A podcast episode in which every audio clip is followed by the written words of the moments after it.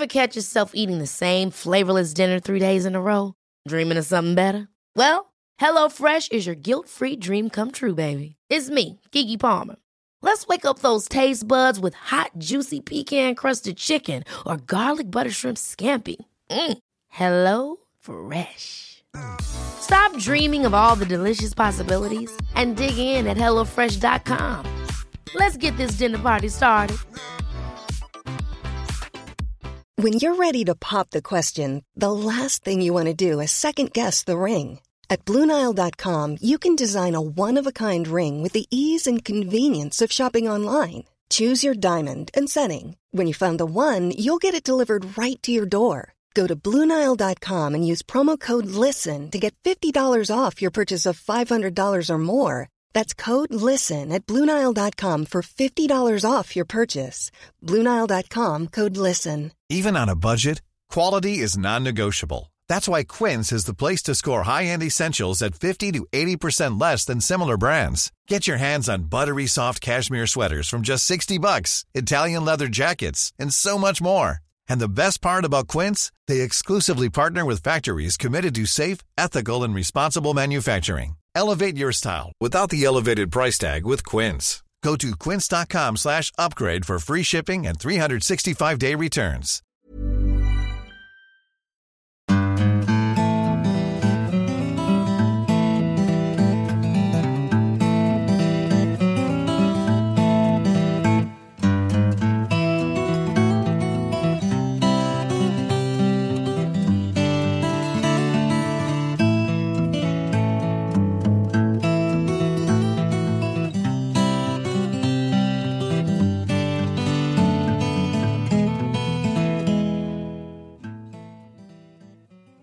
Velkommen til en ny episode av Hall og knall-podden. Velkommen, ja. Ja. Og god jul, God jul, ja. hvis det er lov å si i dag. Det er lov å si i dag, for at i dag er jo selveste lille julaften. Det er jo det.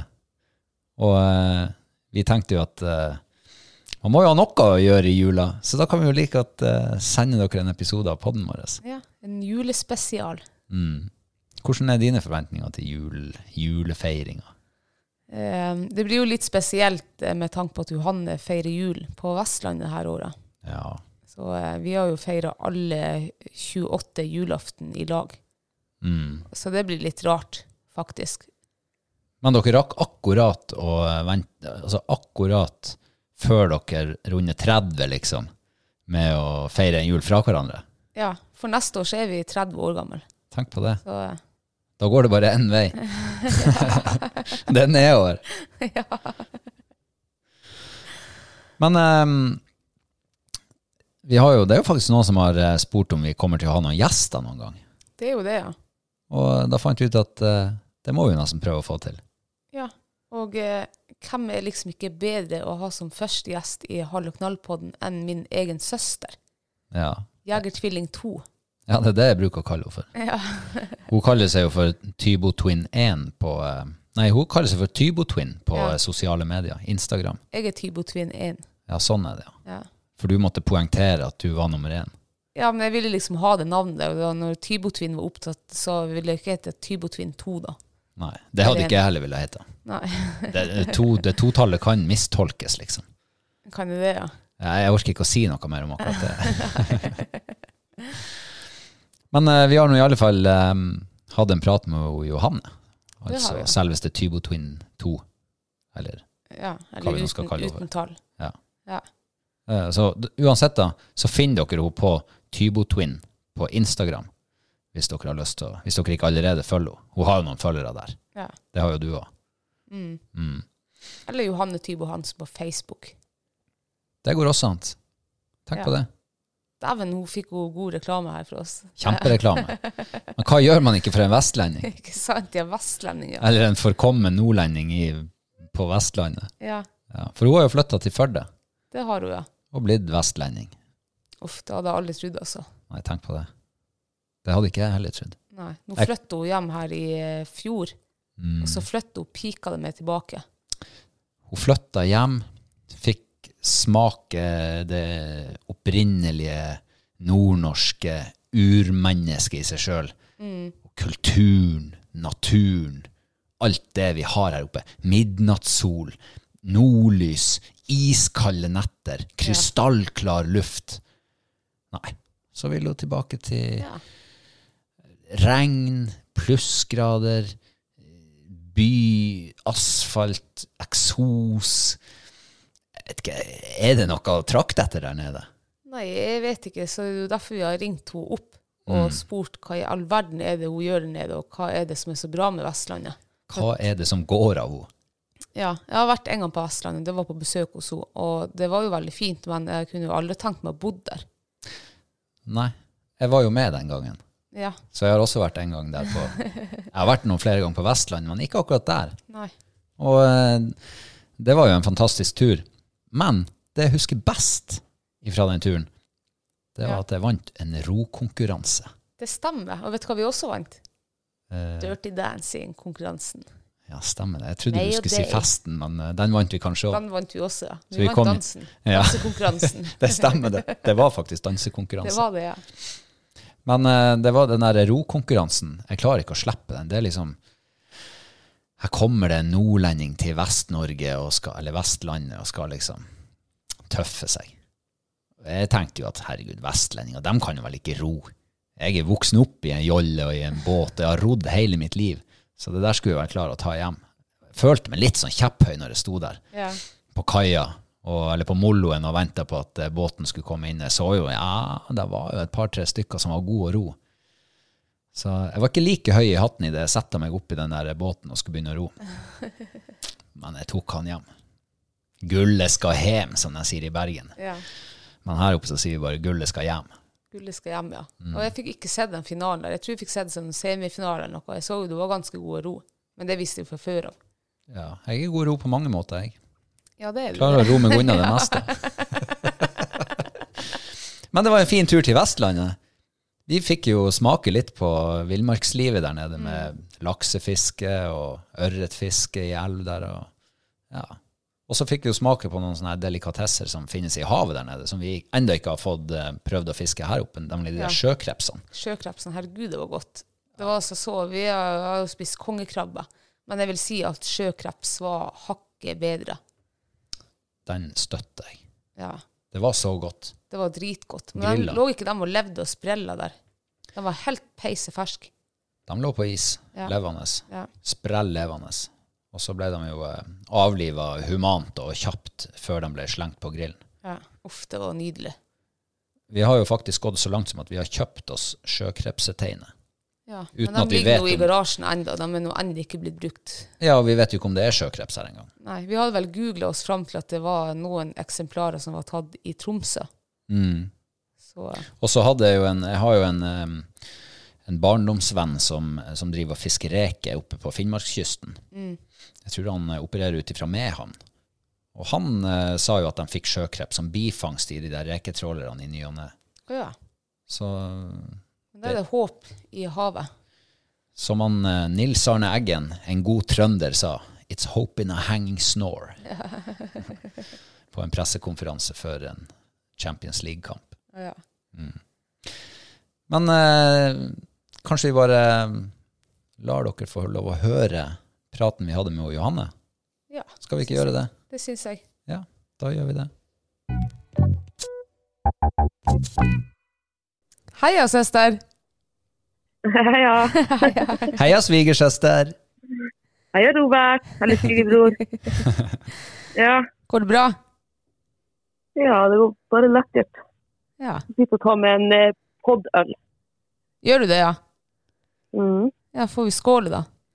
Det, det, Ja, lærte jo vi av, det lærte vi av Jegerpodden, at eh, når man lager podd, så skal man drikke en øl. Dere gjorde det, ja. Ja.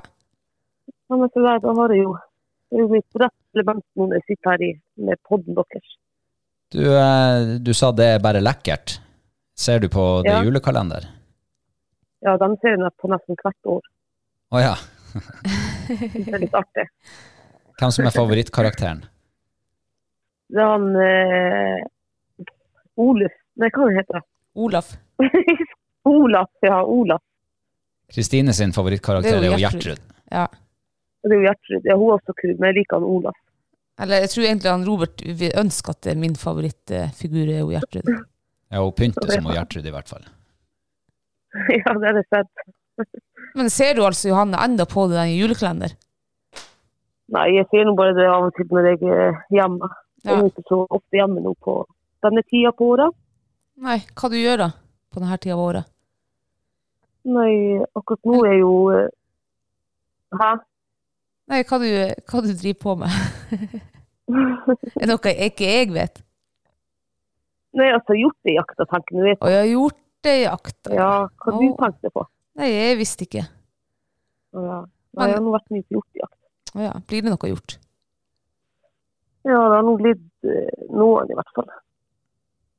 Mye stang ut. Det handler jo om jakt. ja. Ja, det er jo det. Men uh, Ja. hvorfor har du egentlig flytta ned til Vestlandet? Det lurer jeg på, for jeg bor nå her på Nordlandet og savner søstera mi. Jeg skjønner ikke en skit. Jeg bor på, Ja. Men jeg bor på Vestlandet og har ennå ikke fått besøk av søstera mi og svigerbroren min til Vestlandet. Eh, hallo, vi var der for to år siden, Johanna. Ja, Men det var, et, det eh, var sponsa tur. ja det er helt sikkert. Men hva har du spurt meg om hvorfor jeg har blitt vestlending? ja, hvorfor bor, du der, hvorfor bor du der nede? Jeg flyttet ut første gang for tre år siden med kjæresten, da. Eller eksen. Mm. Og så flyttet jeg litt eh, hjem i fjor i Nord-Norge, men også savner Førde og Vestlandet så godt. Det er så mye at jeg måtte prøve et år alene. Og det, har gått veldig bra. Du savner Vestlandet. Går det an? Jeg savner det jo. Ja, Det vet du jo når jeg var hjemme i Nord-Norge, at jeg savner Jeg lengter tilbake. Vestlandet. ja det vet jeg. Jeg vet ikke, jeg jeg trives så godt her. Men du har ikke adoptert dialekter til vestlendingene ennå? Nei, det har jeg ikke. Jeg har lyst til å beholde min egen dialekt. Men jeg har jo fått noen ord som, som vestlandsk ord som jeg ikke kan skjønne at jeg sier. Få høre. Og bø, for eksempel. Det, er jo, Bø? altså, det visste jeg ikke. Bøen. Bøen. Og Bøen, ja. Det sa jeg her nå i høst eller noe til Johanne. Bøen. Ja, det stemmer, ja. Det er så lett å ta etter sånne, bare sånne ord. Ja. Og boss, det har jeg aldri sagt, for det er søppel. Hva du sa for noe? Boss. Boss. Ja. Mhm. Å ja. Det var søppel. Det er søppel, ja. Ja, ja, men det er ikke lenge før du begynner å skarre på r-ene også. Nei, men det gjør de ikke her i Førde, heldigvis. Det er kun i Bergen og i Flora. I Førde skarrer de ikke. Og der skarrer de ikke. Men svømmer de, med, svømmer de med, liksom med hendene fram, altså mot seg? Nei, det visste de i Sunnmøre. ja. Ja, det er Ålesund, det. det er Ålesund. Det er Ålesund, ja. ja. Ja, dit må du Vi i ikke flytte. Sunnfjord kommune. Nei, dit flytter jeg ikke. Nei. Vi i Sunnfjord kommune, vi er ganske Jeg syns faktisk de er ganske like oss nordlendinger her i Sunnfjord kommune. Å ja. Jeg tror det er derfor jeg har trivdes her også, pga. folka. De har like kort lunte og går like mye på skeiva som oss. jeg kan ikke alle. Nei. Men har de like god humor som oss her nordpå? Ja, jeg syns det. De flirer av vitsene dine. Ja. De gjør det, ja. Jeg, tror, nesten, ja, jeg tror faktisk jeg har fått alle vestlendinger til å flire. Hvilken vits er det du drar til dem, da? Den, den eh, vår vits, holdt på å si. Hva heter Kautokeino i eh, Nei, hva heter bade... Nei, herregud! Hva heter svømmelæreren i Kautokeino? Og det er jo badehetta. Ja. Men, det men ikke det, da er det jo noe mest jeg som skriver, da. For de, de, de skjønner ikke at hetta er et navn. Nei. Nei, ikke sant. Men den artigste gangen du har fortalt den vitsen, det var når du Jeg tror du var på Jegertvillinginnspilling da. Da sa du hva heter badehetta i Kautokeino? det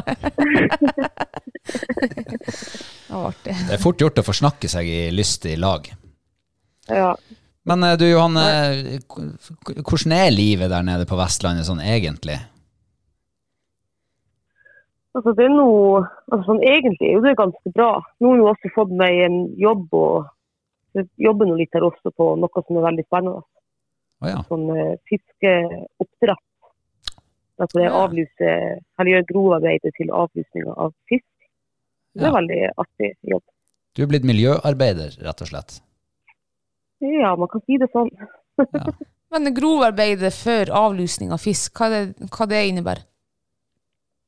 Og det er faktisk veldig mye altså, eh, at Før jeg holdt å si, gikk til den jobben, så trodde jeg ikke at det var så mye jobb rundt en mære. Og mære er jo der all fisken eller laksen er i. Ja. Og Det er alt, altså, de, altså, alt skal jo tilrettelegges når de store båtene kommer inn. Enten for å avluse fisk eller for å hente ut fisk oh, ja. og slakte. Det er masse forarbeid. Det er kraner og knuter og tau og styr og ja, det, var, det er så mye rart. Vanskelig å forklare, egentlig.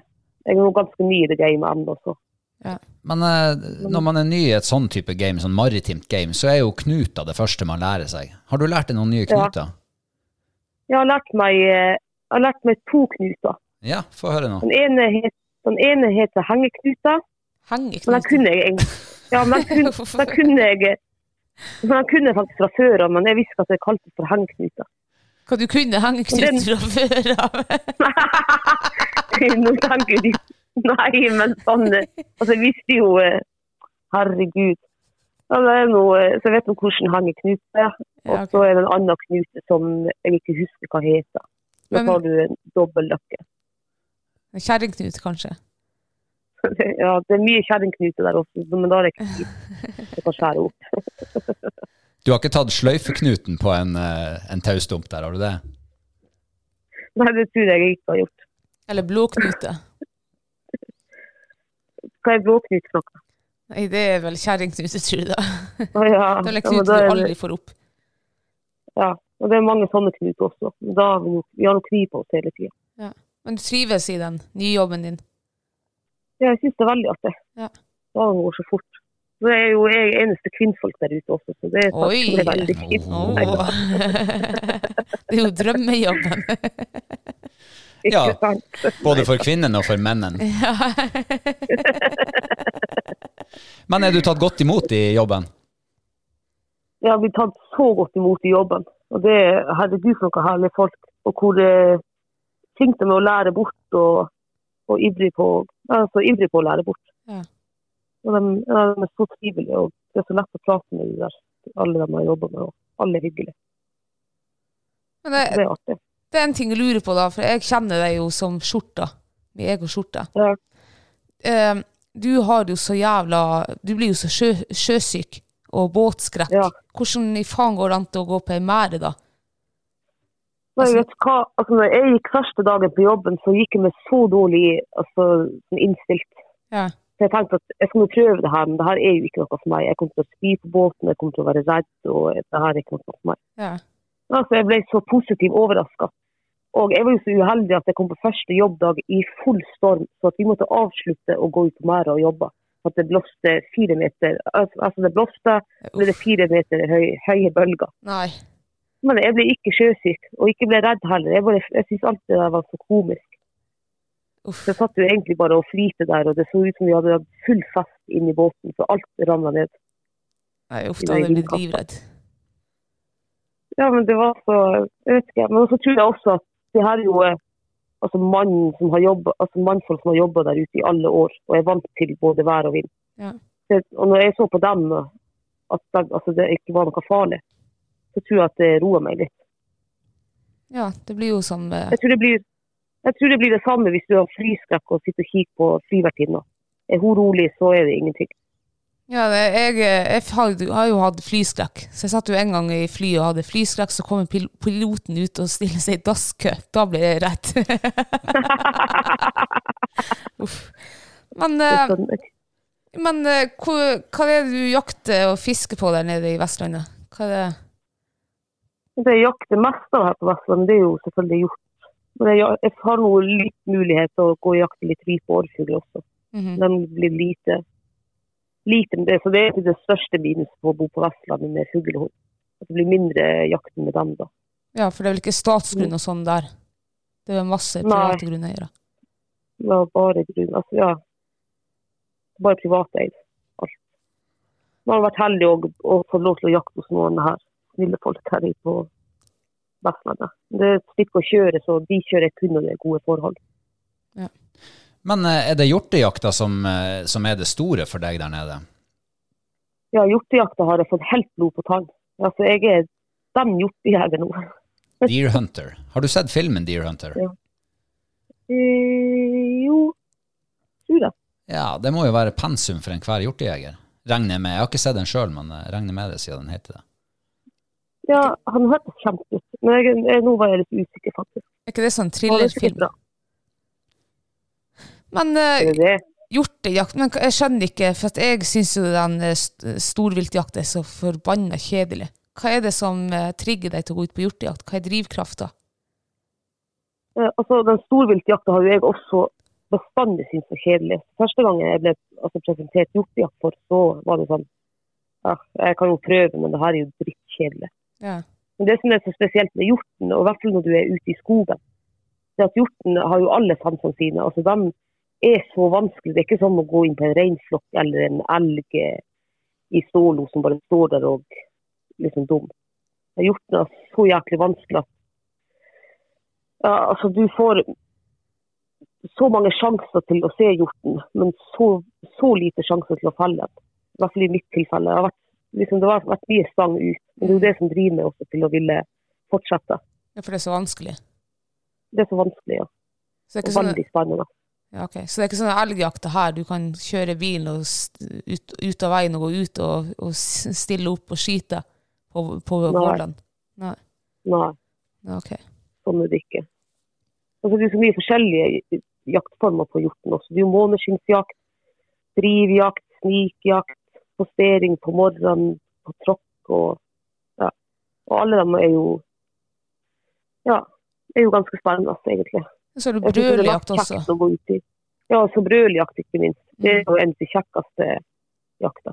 Kjekkeste. Dæven, for en vestlending du er blitt. Jeg ser det, ja, jeg har begynt å snakke kjekt også nå.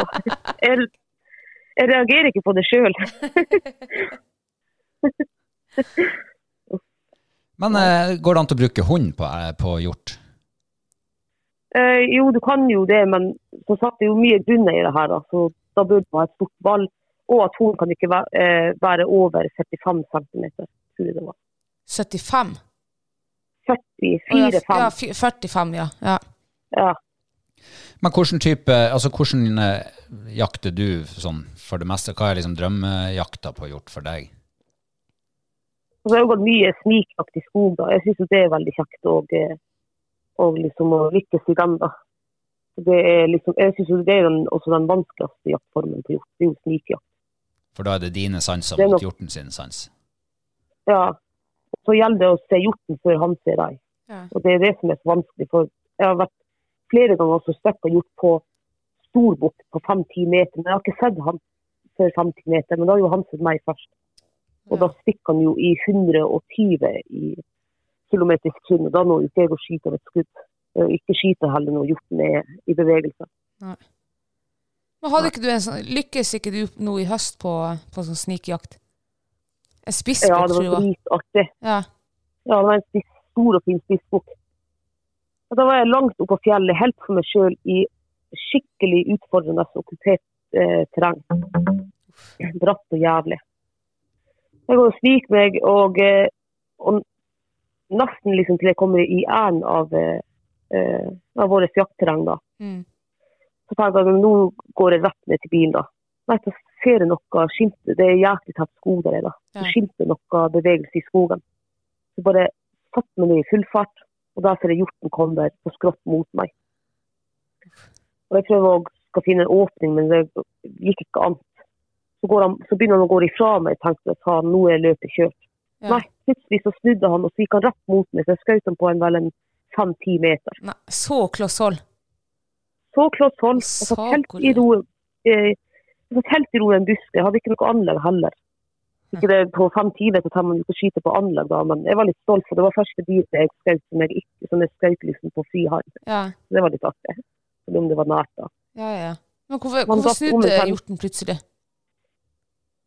Jeg vet ikke, det kan hende at han har fått litt testen, at han trodde at, uh, at han lukta meg lenger ned, eller jeg vet At vinen har gått rundt, ja. Altså. Ja, jeg syns også det var rart han plutselig bråvendte og gikk rett mot meg. Ja. Men det som var så jævlig, altså det var noe greit det der da, men det som var det jævligste, eller det tyngste med hele jakta, var at jeg, eh, som var, veide mye mindre enn den hjorten der, måtte nesten bære han ned, for det var sånn falle, altså sånn fallskog nedover, og ura. Og når jeg skjøt den hjorten, så datt han midt imellom to steiner. Ja. Og jeg, jeg, jeg tror jeg hefta 40 minutter før jeg fikk han opp igjen av steinene da. Og så kunne jeg begynne å dra han ned. Og det, jeg hadde så mye utfordring nedover der med den hjorten. Men jeg fikk han ned til slutt og inn i bilen. Ja.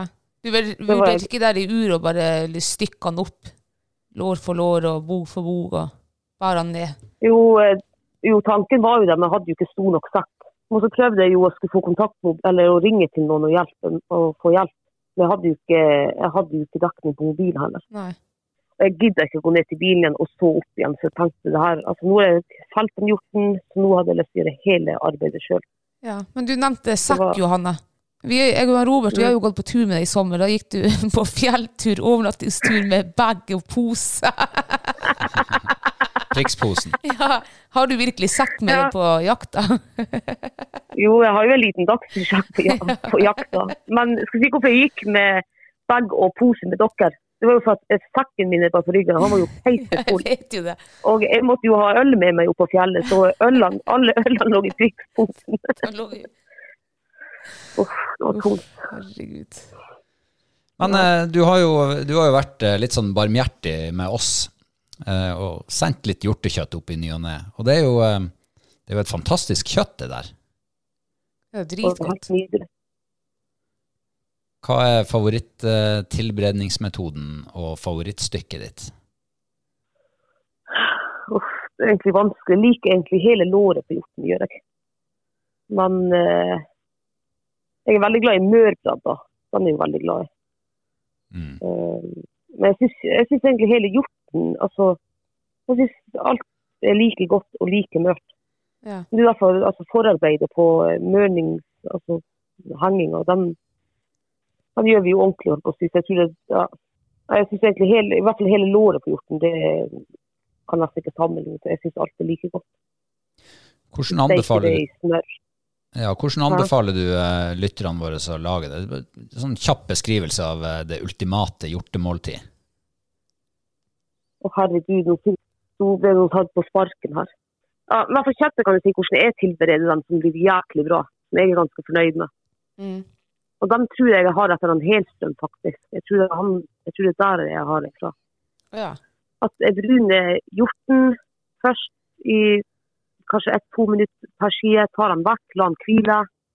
Tar den på panna igjen og steiker den litt i ett-to minutter. Tar den vekk igjen, lar den hvile. Og det gjør du en tre-fire-fem ganger. Det er jo alt at hvor tjukt det eh, hjortestykket er da. ja. Uh, Men hele liksom uh, si, hemmeligheten her, da, det er at du bare steker den litt og så lar den hvile heller. For varmen er jo inni der og liksom må, må si, koke inn i kjøttet. da. Og det syns jeg blir så jæklig godt og saftig og mørt.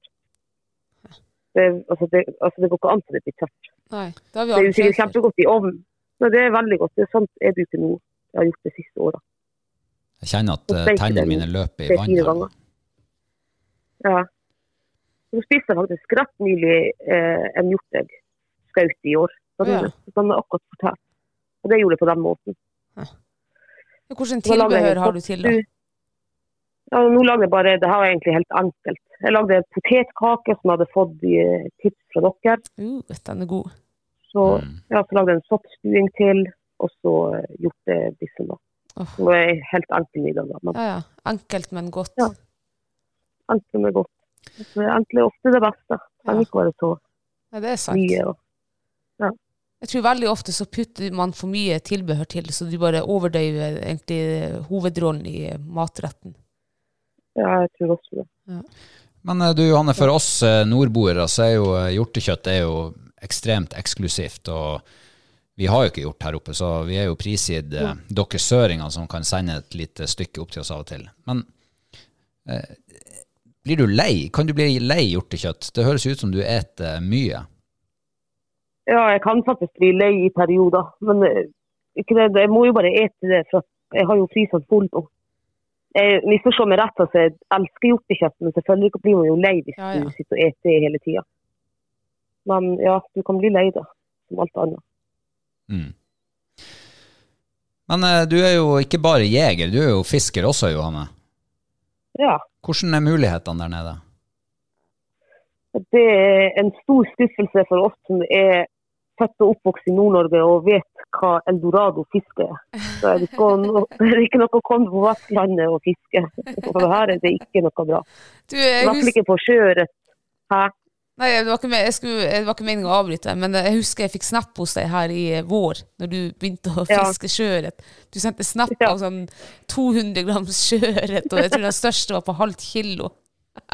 Jeg tror ikke jeg fikk en som sto på halv kilo. Nei, kanskje den var mindre. Ja, du var i ferd med å bikke den magiske halvkilosgrensa. Ja, vet du, det er helt sjukt. Og så kom vi jo hjem nå i sommer. Og første tur med dere på sjøen, Ja, det var vel dagen etter jeg kom hjem nordpå. så får du jo en eh, sjøørret på 3,6 kilo. ja stemmer det, ja. Dæven, den var feit. Den var feit og fin, ja. Ja, men du har så gullhår i ræva. En gang Robert hadde jo stått der i tre timer og fiska, så kommer han eh, trøende ned der med ei eh, Sunrise Shadow-flue, altså ei lakseflue. Først, jeg tror, Ja. Fikk den på tredje kasse eller noe. Ja, Husker det. Sykt. Og laksesnøre. Laksesnøre, ja. Nei, fy faen. ja, det stemmer. Det var laksesnøre og ja, sånn en Sunray Shadow. Men Sunway Shadow funka veldig bra på Vestlandet, så derfor hadde jeg lyst til å prøve den i Nord-Norge også, for der har de prøvd seg på sjøen. Ja. Du ser jo, den funka jo bra. Ja, men det er jo forskjell på fisken, tydeligvis. Der, der nede så er det jo mye småfisk, og her oppe så er det storfisk. Så det er klart at småfisk er jo enklere å få enn de store bjessen som Jo, det er liksom jo det. her oppe. Ja, det er jo selvfølgelig det. Ja, men hun lyttes, hun jo noe rett, for da, vi hadde jo stått og banka der med, i tre timer med sånn her rekeimitasjon. Ja, det er klart hun kommer og lærer oss noe. Det, Ja, jeg vet det. vi trenger litt faglig Men påfyll så- alle men så- her. Ja, men så fisker jeg jo med Ja, det stemmer. Jeg fisker jo med skikkelig sink på sjøen. Det har jeg heller aldri gjort før. Men jeg hadde jo ikke noe annet ja. å fiske med. Ja. Det kan jo hende ørreten sto lågt, at det var derfor jeg likte den dagen. Da. Jeg ja, jeg vet ikke. Eller bare Ja. Men er det liksom sjøørretfiske som, er- som er fiskemuligheten der nede, eller er det andre ting òg? Nei, det er veldig bra laksefiske her, faktisk. Det glemte jo å nevne. at eh, Laksefiske her nede er ganske bra. Veldig mange fine elver her. Selvfølgelig ikke så fint som Nordreisa, altså Reiseelva, for her er jo så Reiseelva er jo mer urørt og vekk fra vei og sånt, og hus og folk. ja. Men er det mer fisk der den på Vestlandet? Ja, jeg, tr- jeg vil nå tro det. I hvert fall enkelte elver her er nå ganske bra lakseelver. Men jeg tror vestlendingene er bedre å ta vare på elvene enn det vi nordpå. Nå har du jo sjansen til å eh, blåse en av dine hemmeligheter på de tusenvis av lyttere her. Hvor du vil invitere dem med på fiske, laksefiske til neste sommer? laksefiske til neste sommer. Uff, nei, det er jo så mye fint, der, men vet du hva? jeg ville faktisk ha an anbefalt alle til å ta sin tur opp i Nordreisa, i Reiselva, der vi er vokst opp med. Nei, altså det må du ikke gjøre. Vi, vi har nok fiskere her oppe. Ta nå Hold dem på Vestlandet. Hvor det da, ja, vet du hva, da blir det faktisk i, eh, i Nordfjordeid i Eidselva. Det er en fantastisk fin elv. Ja. Det er ganske fint der oppe, og der får de også stor laks. Det, ja. Og Der, der har jeg vært um, tre-fire ganger. Hvor stor laks har de der? Jeg, jeg vet ikke hva den største de har fått, men nå prater med noen lokale der, og de har nå fått både på 17 og 18 Å Oh, ja, så Så det er jo stor laks. Oh, ja. Ja, ja, ja.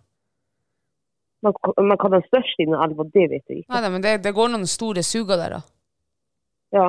De, jeg så nå i år var det gjennomsnitt tror jeg 10 kilo, mye på 10, Å ja. 8-10 kilo tror jeg de dro opp.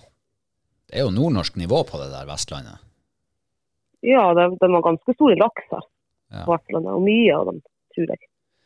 Men eh, du er jo, Ja. du er jo eh, vokst opp med røyefiske på isen og sånn. Og, eh, hvordan Ja. er, er det is der nede i det hele tatt? Ja, på Høyfjellet, da er det jo is her. Og det er faktisk røye her på Vestlandet også, det visste jeg ikke. Å ja, er det det? Ja, men her er det bare røye på 200 gram, den blir ikke større. Har ikke de med sånne røyevann der i nærheten av Bergen? Sånn oppdrettsrøyedam som folk får fiske Har de det? Jeg tror de får jo faen meg fem-seks kilos røye der. Er det ikke på, Tuller du? jeg mener det er på yttersida av Bergen. Ja, det er et vann som heter det- Skogseidvannet, som, eh, som ligger i nærheten av Bergen. Ja. Eh, det, det er ikke røyen de oppdretter der, det er jo ørret. Men røyen ja, men får røyen, visstnok å spise litt eh, av det her nedfalls laksefôret, Ah. eller ørretfôret. da.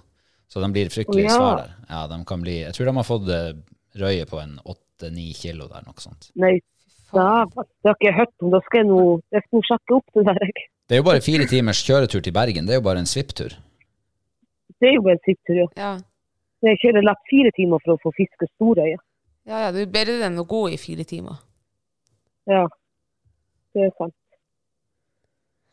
Men eh, du har jo eh, han Vambli og Shatan og Moonshine. Hva de liker å gjøre det på Vestlandet? Hundene Nei, dine? jeg blir så, ja, nei, hundene mine blir så sportsidioter, så vi driver og jogger, vi. Oss i form. Det er så mye annet å gjøre der for dem. Nei, uff. Jeg har vært fall på høsten. Jeg har jo vært og jakta litt med dem. Jeg kan liksom telle på fem hender. Ja. Men eh, i hvert fall når hjortejakta altså når hjort, eh, den hjortejakta er over, så kan jeg begynne å trene hunden på Vestlandet. Det er nå etter nyår, da. Det gleder jeg meg til.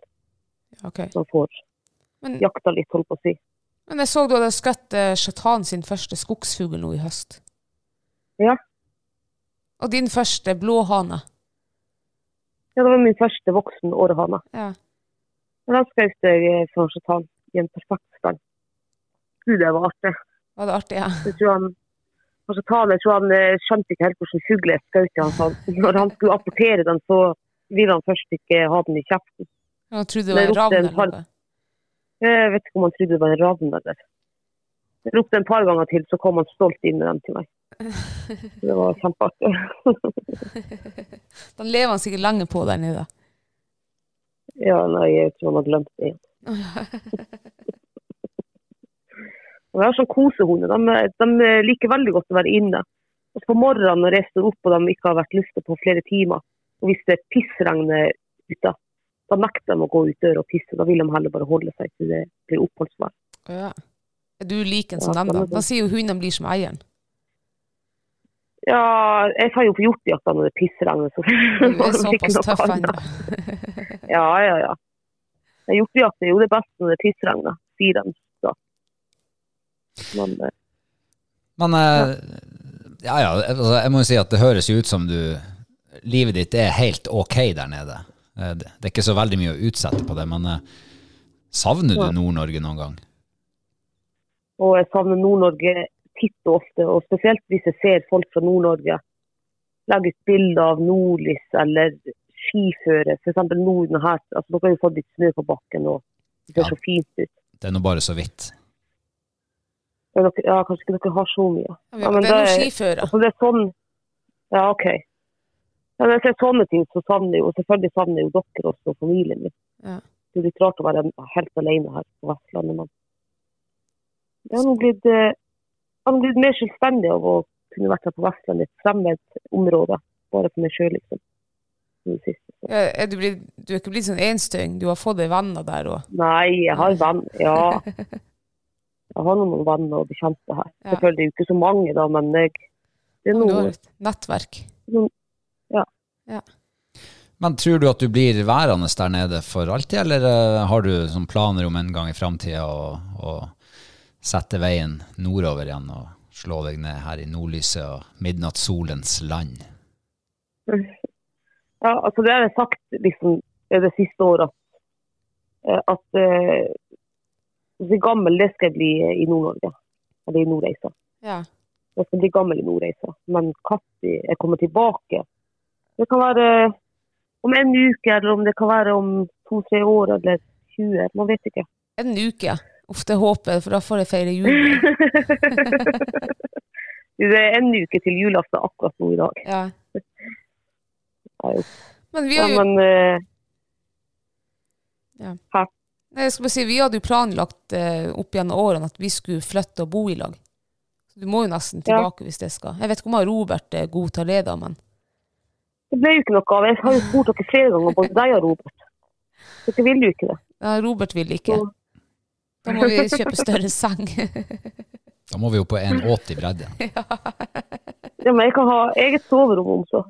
kan du det? Ja, ja. ja. da så, herregud, da er jo jeg misforstått.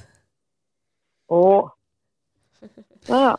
Men du nevner jo eh, nordlys og mørketid og de tingene du savner her nordfra. Um, ja. er det bare er det, det er ikke mørketid der nede, men det er kanskje ikke nordlys heller? Nei, eh, Jeg har nå i hvert fall ikke sett nordlys her, men jeg har nå spurt folk fra Vestlandet eller rundt om i Førde om, om de har sett nordlys her. Ja da, de har sett nordlys her. Eh, tenker OK, hvordan nordlys er det dere har sett? Nei, det er noe grønt. Ja, Man kommer opp til Nord-Norge, så får dere se skikkelig nordlys. Ja. Jeg har også sett noe grønt på himmelen, men det tror jeg er mest sånn der eh, eh, forurensning i lufta. Altså det som er, jeg tror ikke det er nordlys. Eller overskyet, altså gatelysene fra byen. Ja. ja. Så jeg tror ikke de har ikke nordlys, da, men de har veldig fin stjernehimmel her. Det har de. Ja, ser du, stjerner? Regner ikke det bare der nede hele tida? Nei, det kan være litt opplett her også. Ja, OK. Ja. Du eh, Johanne, vi, vi, ehm, vi har jo liksom, jeg og Kristine, når vi snakker med folk som, som driver med jakt og fiske og sånn, så, så bruker vi å si at våres, eh, våres jaktår det begynner midt på sommeren, 15. juli, og så er det, så er det revejakt, og så er det gåsejakt og andejakt og sånn, og, og så før det så er det jo fisk og sånn. Men hvordan er, mm, hvordan er liksom eh, året ditt, hvordan er årshjulet ditt eh, nå kontra sånn som det var mens du bodde nordpå, og var på en måte litt i synk med, med nord, nordnorsk eh, jaktår, fiskeår? ja. Nei, altså, eh, altså det jaktåret her i Førde er jo mye kortere enn når jeg bodde i Nord-Norge. Som du sier, vi starta med revejakt, og så gås og andejakt og sånn. Men de mulighetene har ikke jeg fått her ennå. Rav, ravjakt kan jeg starte med, men eh, jeg har ikke vært på så mye ravjakt. da. Men gås og ender det er noe litt vanskelig å få til her, føler jeg. Ja, Det er, blir noe eh, Hæ? er det fordi at det er eh, si, vanskelig tilgjengelig område, eller er det ja, Går det ikke an til å få jaktkort, liksom? Eller? Nei, jeg tror ikke han selger jaktkort her. Altså, du må kjenne noen grunneiere og kanskje få komme noe skøttefugl der. Altså, jeg vet ikke. Jeg vet ikke helt sjøen om det er allemannsrett, holdt på å si. Med sjøen. Jeg har ikke lest meg opp mot det. Det er vel grunneier. Men eh, det er grunneier der. Altså. Ja, jeg tror det er en er kilometer på havet. ja. Ja, OK. Men nå bruker jeg å være i Nord-Norge da, til gås og andjakt. da. Så jeg får nå jakte litt der for jeg Mm. kommer til Førde igjen og jakter hjort. Sette hjortjakt. Når begynner den? Eh, De begynner 1. september. Ja. Så da begynner egentlig ditt eh, jaktår på Vestlandet 1. september? Ja. Mm. Det gjør han. Og så avslutter han nå egentlig nyåret. Det har vel kanskje vært en par ganger på rypejakt etter nyåret, men her slutter jo rypejakta også mye tidligere enn der nordpå. Er ikke det 1. februar eller 5 10. februar, kanskje? Nei, jeg tror det er ut februar her. Det er to uker lenger i Nord-Norge. Ja, ok. Men uh, hva du skal gjøre da på nyåret, da, når du ikke får jakta hjort? Hva du da kan gjøre av sånn her eh, lidenskap og aktiviteter? Det er jo å trene hund, da.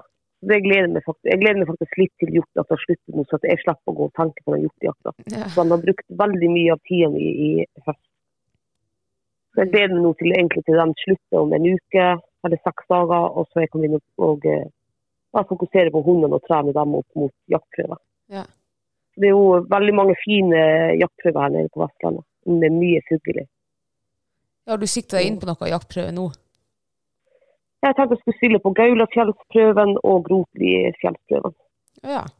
Har ikke du vært på de prøvene før? Ja, jeg har jo spilt hunden din også på eh, Grotli-prøven. Grotli-prøven var det. Da var det jo Mhm. 100% premiering på både min og din hund. Ja, fikk premiere, nei, jeg fikk premie på han Reborn begge dagene. Så det var jo veldig artig. Ja, Det var artig. Jeg husker vi var på fjellet da, så fikk jeg melding da jeg kom ned av hele helga. Gud, hvor jeg skreik da. Men skreik de da? Ja, da skreik jeg.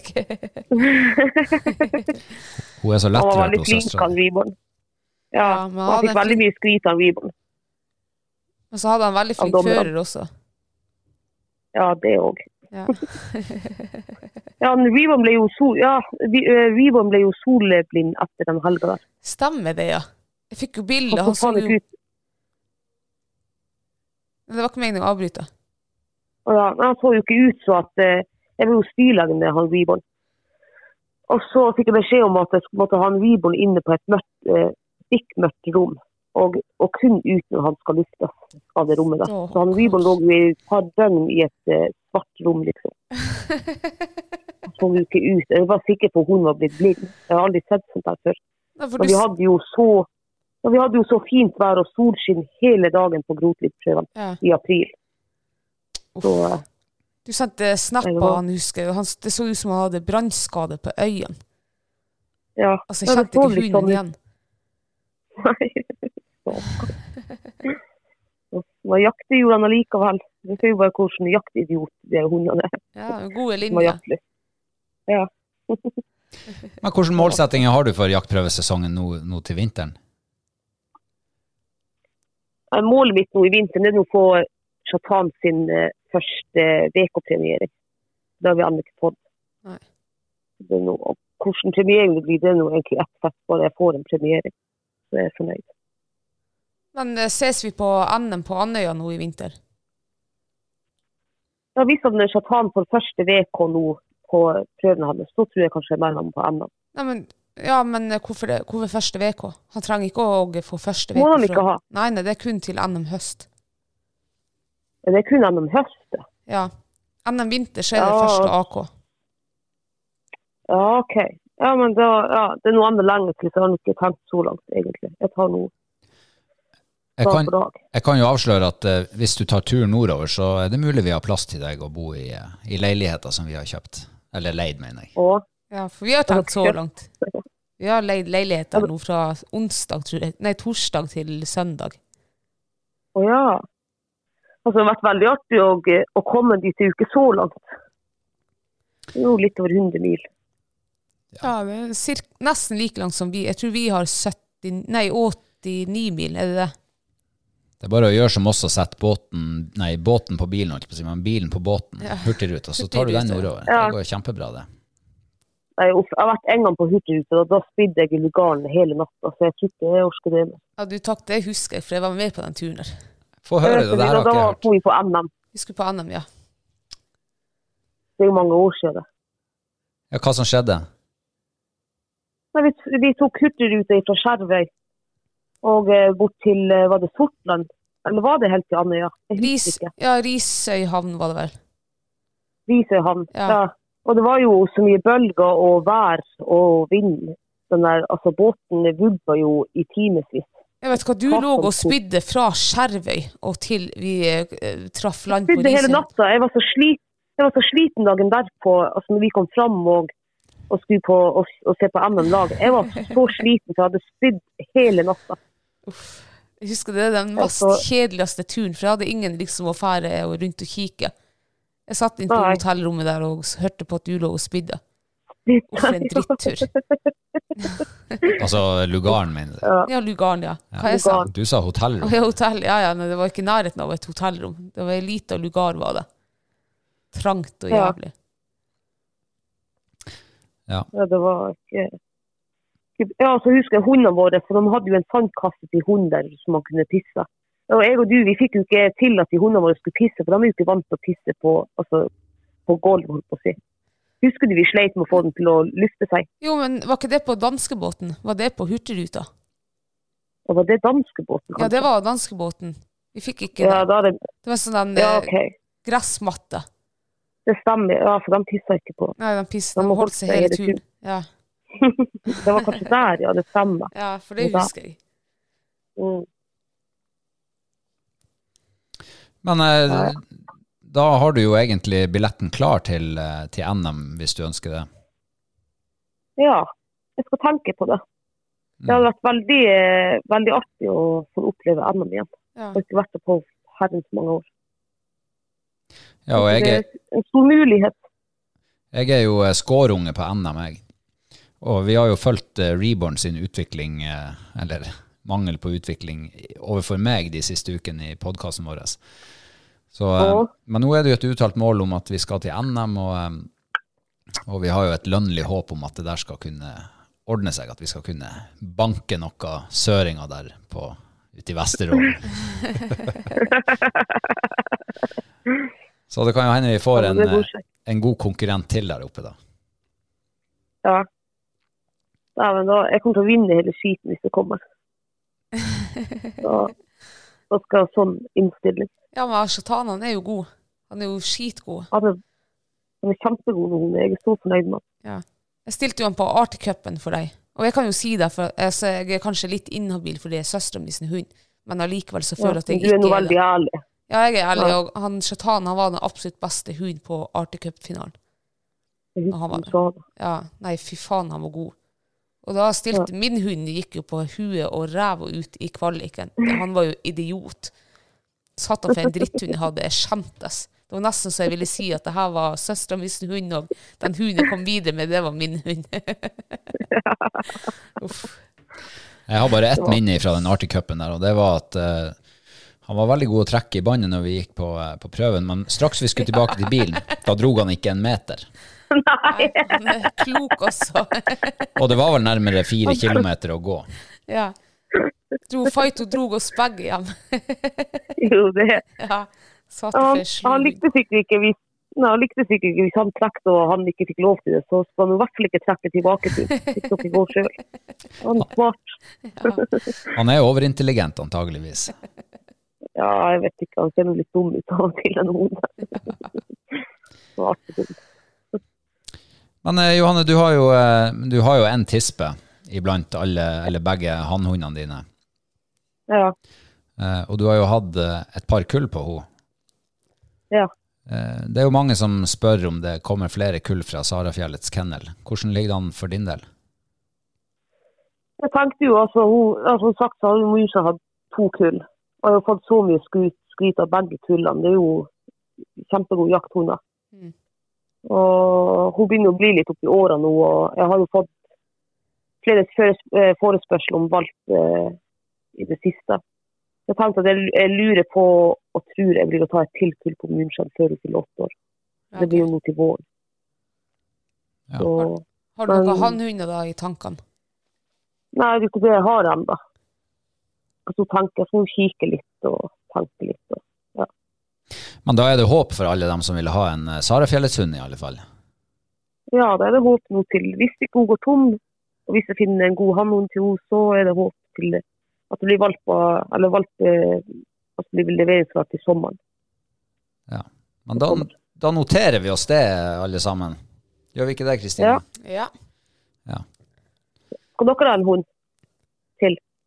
Ja, men vi har, vi har kanskje funnet en som vi er veldig interessert i. Hvis vi, ja, hvis vi får kvalp derifra, så tror jeg det blir. Ja, ok. Så, Det blir spennende for litt nytt også. ja, med litt sånn, ja. ja. Du, eh, Johanne, det er jo eh, Når vi spiller inn der, så er det jo, som du sa i sted, en, en uke til jul. Um, Ja. Men eh, hvordan blir det å feire jul eh, på Vestlandet? Jeg er så spent sjøl. Jeg har fått lov nå til å være Eller jeg har fått lov. Jeg har fått jeg har fått tillatelse. Eh, hva heter det, innbydelse til å være med og feire med en venninne som jeg har her nede, Mm. og hennes familie. Det er jo hyggelig. Det, ja, det setter jeg stor pris på, for uh, hadde jeg sittet alene, så hadde julaften min blitt veldig trist. Da ser jeg for meg at jeg sitter alene på julaften, drikker meg driting, kjøper en gave til meg sjøl som står 'Til Johanne fra Johanne' og bare skrik. Ja. Stakkars. Så jeg er nå glad for at jeg får feire. Da hadde jeg også sittet og skrekket. Hvis du hadde feira jul alene der nede, da tror jeg jeg faktisk hadde tatt meg råd og reist ned. Tror du det?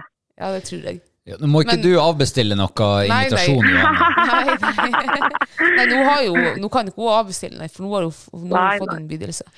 Men eh, Johanne, Ja. hvis, du, hvis du måtte ha feira jul alene der nede, hva hadde du servert ja. deg sjøl til julemiddag?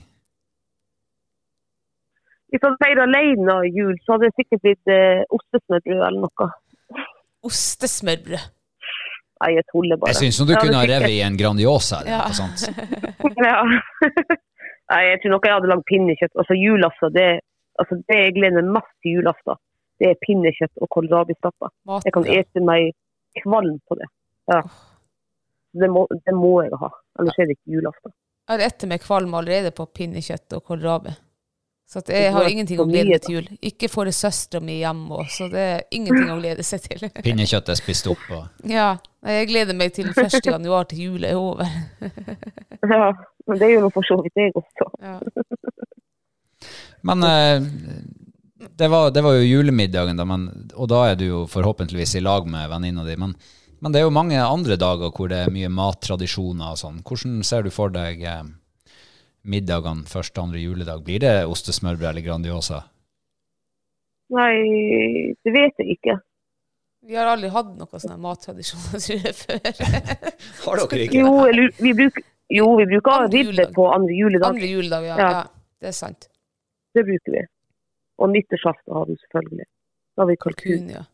Men det gjør ikke altså Det er noe julaften for meg som er mest spesiell, for da er liksom hele familien samla. Ja. Sånn, på en måte. Så uh, Da blir det, da blir det Facebook Messenger videosamtale opp til, eh, til Nordreisa på, på julaften. ja, det må jeg Ja. gjøre. Jeg må ringe til alle dere og ønske dere god jul og sånt. Og, Men du, vi og ha takke ha for gavene. ja. Men vi skal ha vinkveld, eh, sånn søsterdate, en kveld i jula, sant? Skal vi det? Ja, selvfølgelig. Ja. Jeg trodde du var lei meg. Jeg brukte å ringe til deg hver jævla dag, men du bare Jeg ser at du er innlogga, men du tar ikke telefonen. Jo, jo, men jula er ikke en hver jævla dag. Det er en spesiell OK, dag. så da er det greit. Da, da er det greit, ja. Ja, OK. Det gleder jeg meg til. Jeg også. Ja, det kan dere jo gjøre mens jeg skal spille poker hos bror deres eh, første juledag. Så kan dere ha søsterdate. Ja, Kanskje vi kan spille poker da, Johanne? Det kan. Over det kan vi gjøre, ja. Det kan vi faen meg gjøre. Ja. Det er aldri blitt gjort før. Ja. Men hvordan blir det rart? juledag. Mm. Men hva det blir rart? Blir det rart liksom å være der med altså en, en ny familie? Ja, det tror jeg. Ja. Jeg er veldig spent på hvordan det blir. For jeg, altså jeg er snart 30 år og aldri feira jul uten dere før. Det blir jæklig rart. Men en gang må jo være den første. Ja. Så eh, jeg tror det blir trivelig også. Det er en trivelig gjeng jeg skal være med. Så, Men eh, så eter de jo Ja. Så eter de jo samme maten som det vi gjør, så det er jo et, det er et pluss. de gjør det, ja. Ja. Men hva du ønsker deg i julegave? Nei Hva er høyest på lista? som er. Høyest på lista. Ja. Jeg ønsker meg sokker. Sokker? Ja. Ja, Men det får du ikke. Det går så hold i. Får jeg ikke det. Nei, jeg vet ikke. Jeg har nå ønsket meg sokker hvert år. Jeg får aldri ullsokker. Ja, ja, ja altså lester, stikkerlester jeg ønsker meg, men det har jeg, det har jeg ikke fått på sikkert ti år. Jeg får ikke det mer. Jeg får som regel ikke ting jeg ønsker meg. Nei. Jeg ønsker meg sokker, men det får jeg ikke. Det er jo en forbruksvare, så. Ja, det er jo det. Du, eh, Johanne, vi begynner å nærme oss eh, slutten, men eh, Gjør vi det? Det var så koselig, og det gikk jo så kjapt. Det var dritkoselig. Ja. Ja. Men eh, vi tenkte jo at eh, vi må jo eh, utfordre deg litt grann, og høre om ikke du har en, en god historie eller to å fortelle fra eh, jakt- eller fiskelivet ditt, eller deres. Eller hunder, eller Hunder, ja. uansett. Mm, ja, altså jeg har jo sikkert veldig masse, men om jeg kommer på de beste nå, det er ikke sikkert. Det tror jeg ikke jeg kommer på, på. Vi kan nøye oss med de nest beste. Ja, OK. Jeg vet ikke, jeg har faktisk en, eh, en eh, fiskehistorie. Den er, ganske kort, jeg husker ikke så mye. Jeg husker litt av den. OK. Det var jeg og søstera mi, du Kristina, og Ja. en venninne av oss. var- Eller var nei, vi var to var alene, kanskje. På fisketur opp gjennom Reiselv og fiska laks. Så fikk du en svær laks på eh, sluken din. Vi var jo bare kids. Husker du det? Ja, vi var alene. Vi var bare Vi var alene, ja. Ja. Vi var bare kids da, og så fikk du laks, og du ropte 'kom og hjelp' og sånt. Og jeg tenkte ja, jeg må nå komme og hjelpe deg da, for å få den svære beistet på land. Og så dum som jeg var da. Jeg eh, tok i nylånet, og så sleit jeg sluken ut av kjeften på laksen. Og han var liksom to centimeter ifra å å komme inn på land. Ja. Jeg tror Kristine aldri har Jeg tror ikke du har vært så sint på meg noen gang. og Jeg, jeg vet ikke om vi prata sikkert på en halvtime, men da kom du til slutt og ba om unnskyldning da, for at du var så sint. på meg. Ba jeg virkelig om unnskyldning? Jo, jeg mener du ba om unnskyldning, men da gikk en halv time, så du var jævlig sint. Dæven, jeg fikk huden full av kjeft. Jeg husker jeg var Og det var nok kokforbanna. siste og det var nok siste gang jeg har tort å hjelpe eh, folk med å hanke inn fisk på land, holdt på å si. Nei, for det husker jeg i ettertid. Du har vært mer sånn eh, liksom Ja, du har Jeg er jo livredd for å ja, ja. Nei, Jeg er livredd for å miste fisk til folk. Så Det det, der- her er som varig ment. Det der er jo, det å være fiskemottak, det er jo en tillit man får én gang. Og hvis man misbruker den, så får man den aldri igjen. ja. Nei, jeg vet det. Så da, nei. Nei, Jeg husker jeg var fly forbanna. Jeg hadde spilt med laksen sikkert i en, et kvarter eller fem, 20 minutter. Ja. eller noe. Og så sier Johanne nå kan du gå rolig og pent ned til elva og ta han inn. Johanne hun springer ned til elva, hun er helt panikk, river nylon og sliter, hun sliter laksen løs. Altså sluken sitter igjen i kjeften på laksen. Og laksen Og jeg har tatt sluken igjen i kjeften. Ja, du reiv nylonet løs, gjorde du.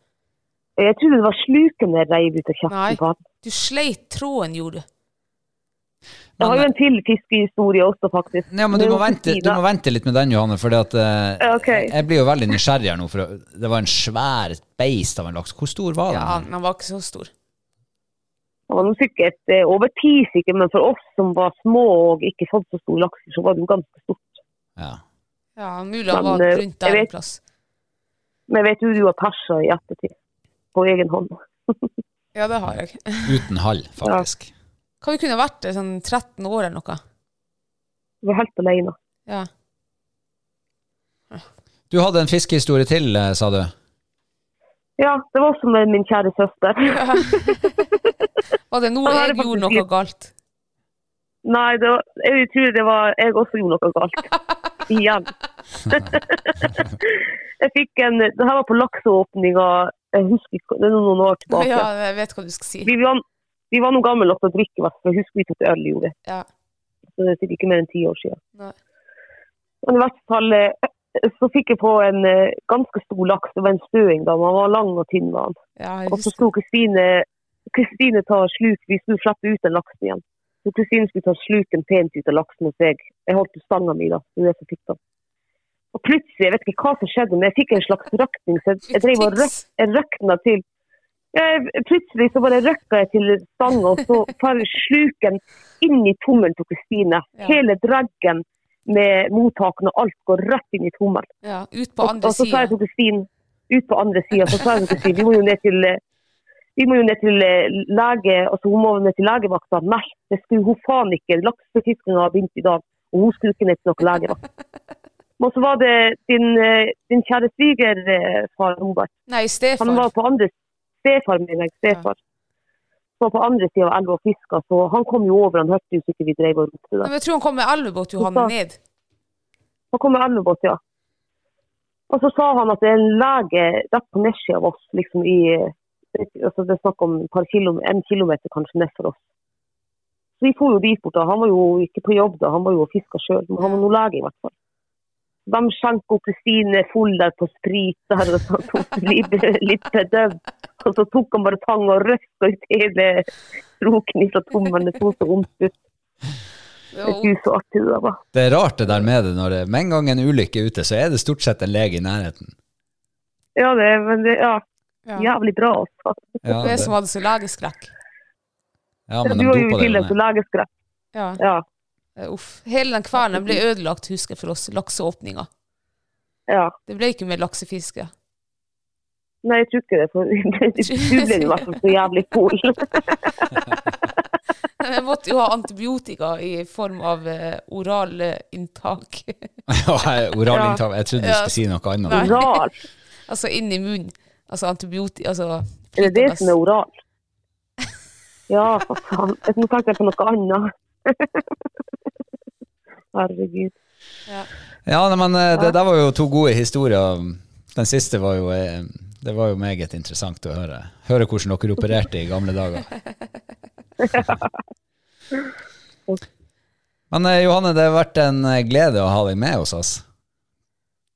Ja, takk for at jeg ble invitert. Det var veldig kjekt. Ja. Det var kjekt. Det var hyggelig. Mm. Ja, veldig Det var stas. Og så, Kanskje vi må lage en sånn Jegertvilling spesial en gang eh, i framtida. Ja, det får vi gjøre. Du stiller opp på det?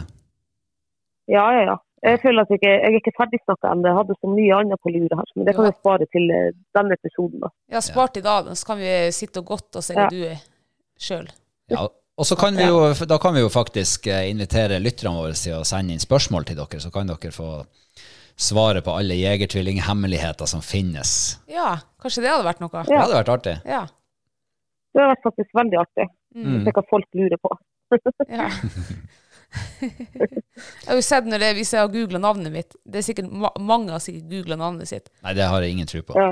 Men i hvert fall, jeg har nå googla navnet mitt en gang, og det var det Kristine Tybo Hansen gravid. Kristine Tybo Hansen arr. Kristine Tybo Hansen kjæreste. Så det er mye rart de googler på. Da jeg googla navnet ditt, så fikk jeg Kristine Tybo Hansen naken.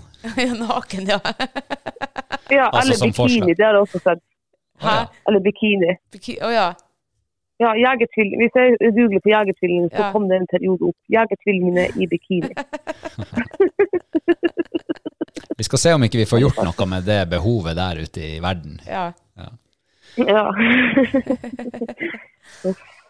Nei, men uh, tusen hjertelig takk for at du var med oss. Og så, vi sender jo selvfølgelig de varmeste og beste juleønskene til Vestlandet og Førde til deg. ja, tusen takk.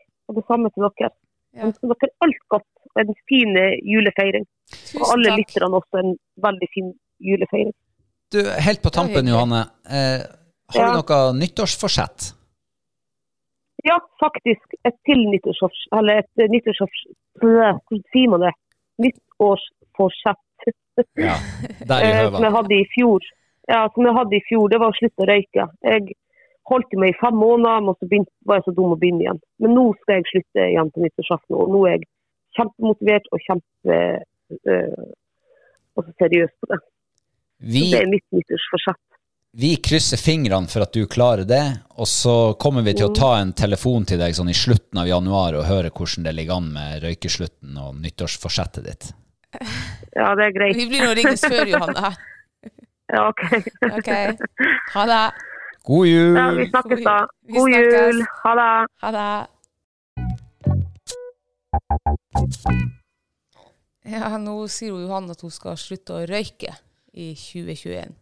Kanskje du har noen eh, gode råd å komme med i så henseende? Ja, eh, det, Altså til ho. ja, altså det første jeg tenker på, er at ikke sett en dato. Det, jeg har prøvd det så mange ganger, jeg har aldri holdt det.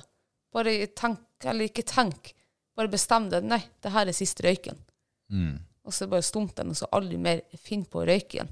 Så nå har hun gått i den første og kanskje største fella med å si at uh, nyttårsaften, da er det siste røyken. Ja, men jeg tror det er mange som setter seg sånn nyttårsforsett. For jeg vet, hvorfor, det vet ikke jeg. Jeg har også gjort det før, men jeg har jo aldri klart å holde et eneste nyttårsforsett. Nei, altså treningssentrene lever jo av nyttårsforsett. Ja. Det er jo så masse støttemedlemmer rundt omkring på norske treningssenter at det, det savner vel sidestykke i norsk historie, antageligvis. Nei, men jeg håper hun klarer å slutte å røyke. Så jeg har vært røykfri nå i ett og et halvt år, og jeg unner virkelig min søster å ha den gode helsetilstanden som jeg har fått nå. Altså, jeg unner alle som ikke røyker, å få oppleve, altså se hvor mennesket liksom Hvor bra liv et menneske får etter at han slutter å røyke. Ja. For du er jo faktisk eh, nå, nå går jo du fremst ofte når vi er på tur. Du, hallo. Det gjorde nå pika med før også, og det var ikke kondisen eh, det sto på når jeg røykte. Nei, altså, alle bildene jeg finner igjen på eh, mine sosiale medier, så går du nå bakerst. Ja, jeg vet det, for det var jo at du din fjott, du sprang jo bare foran meg, og så knipsa du i full fart et bilde, og så lot du meg gå foran deg. det var akkurat sånn det var. Men det ser ikke dem som Nei, ser det jeg vet jo det. Men jeg kan jo minnes en gang når vi skulle på, eh, på fisketur på fjellet. Det var rimelig bratt der vi skulle gå opp. Det var, Sekkene var rimelig tunge òg. det var de også.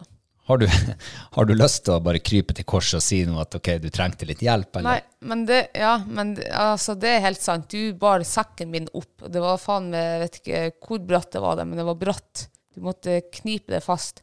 Men det var ikke fordi at jeg røkte, det var fordi at jeg var jo kjempebetatt og nyforelska i deg, og så hadde du ikke spist på hele den dagen. Der. Oh, ja, det var det. Det var derfor, altså, jeg var så kvalm og sulten og skjelven og sliten. Altså, jeg hadde ingenting mer å gå på når vi gikk opp der. Men eh, et fjellmenneske som deg burde jo visst bedre og ikke Altså, og ikke ikke spist før du går på bratt, lang fjelltur. Det er sant. Men eh, eh, altså, man tenker jo ikke Man tenker jo ikke, hva det heter, generelt. Nei, Rasjonelt, kanskje. rasjonelt og realistisk når man er litt småpetatt og forelska. Nei, jeg vet ikke, Det er mulig Så- det der er en sånn eh, kvinneting. Jeg vet ikke. Jeg, Ja, jeg har bestandig tenkt rasjonelt når jeg har vært forelska. Ja, nei, det, ikke, det kan godt hende det er en kvinneting, eller det er bare en ting som jeg har fått eh, for meg. Ja. Men jeg klarte ikke. Jeg var så kvalm den dagen vi skulle på vår Det var andre turen vår. Så jeg kjente det ikke så veldig godt.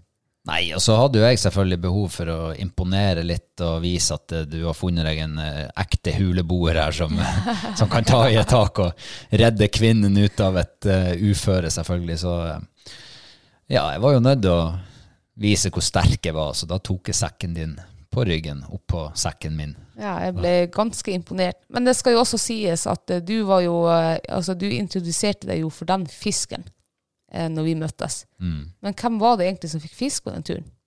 Det var vel slukfiskeren, det. Ja, slu, ja, ja, det er noe greit. Ja, jeg fiska faktisk med sluk. Men jeg dro jo ørret etter ørret etter ørret, og du fikk faen ikke ei pellemannskitt. Sånn er livet som fluefisker. Det er sant. Men altså, jeg bruker å si som jeg sa på, sa på reklamen en gang i tida, skal du fiske, eller skal du få fisk? ja. Og mye av fiskinga er jo å fiske. Tenk hvis du bare hadde fått fisk, hvor kjedelig det hadde vært. Ja, men det er jo det jeg har eh, Altså, priset være deg, altså, for at jeg har møtt deg. For jeg var jo en kjempestor slukfisker før jeg møtte deg. Eh, men nå, jo, føler, altså, nå tar jeg jo ikke flu, eh, slukstanga med meg når vi drar på fisketur. Nei, for den er det jeg som tar med. Det er faktisk har vi bytter. Du tar med slukstanga i tilfelle det blir drittvær at vi må ned og ha smatfisk. Men jeg har, altså jeg setter så pris på den fluefiskelidenskapen at det er, det er så stort for meg nå at jeg, det gjelder ikke å få fisk, det gjelder å, å fiske og få fangst. Har jeg noen gang sagt at jeg elsker deg? ja. Fem ganger for dagen. Ja, ikke sant? Nei, men det var en uh, interessant prat med Johanne, og interessant å høre hvordan hun har det på Vestlandet. Ja, jeg tror hun stortrives der nede. Jeg tror også det, jeg frykter jo at hun stortrives der nede. Ja, For det, det, det aner meg at det går en stund før hun kommer seg hjem igjen. det aner meg også. Jeg håper bare det fortsetter å regne og regne og regne, at hun blir så pisselei det der været der nede. At hun må hjem til nord. Ja, Men eh, på den andre sida så kan vi jo være litt kyniske av oss og bare håpe at hun blir der, og så kan hun sende en eh, halv hjort i året oppover til oss. Det er sant.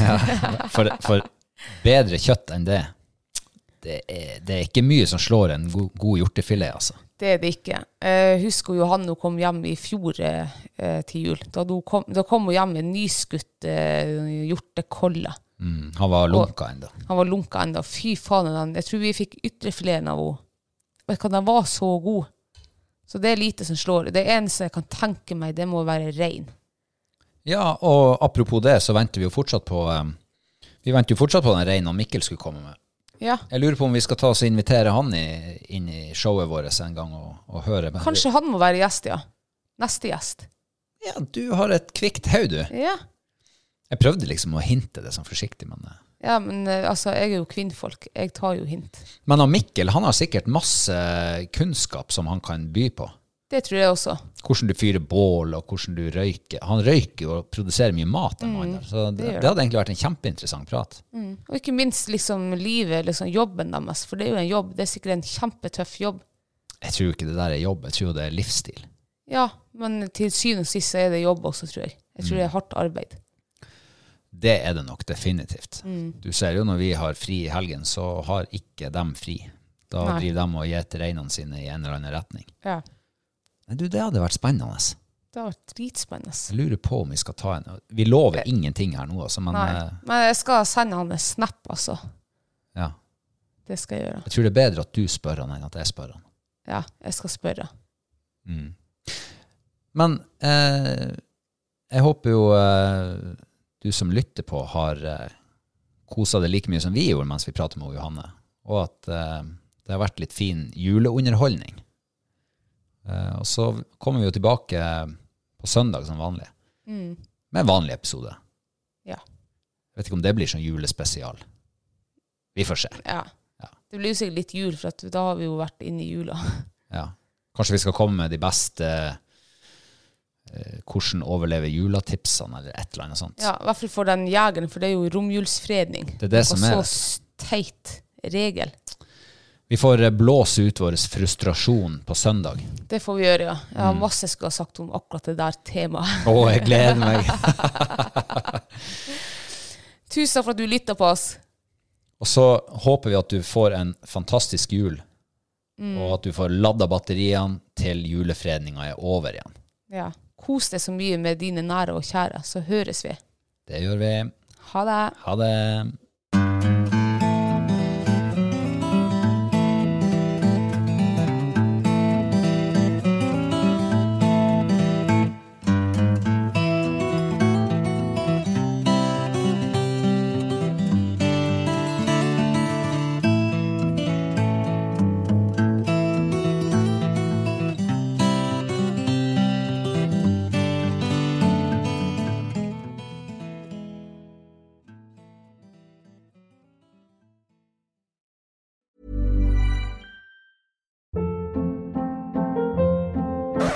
Hold up. What was that? Boring. No flavor. That was as bad as those leftovers you ate all week. Kiki Palmer here, and it's time to say hello to something fresh and guilt-free. Hello Fresh. Jazz up dinner with pecan-crusted chicken or garlic butter shrimp scampi. Now that's music to my mouth. Hello Fresh. Let's get this dinner party started. Discover all the delicious possibilities at hellofresh.com.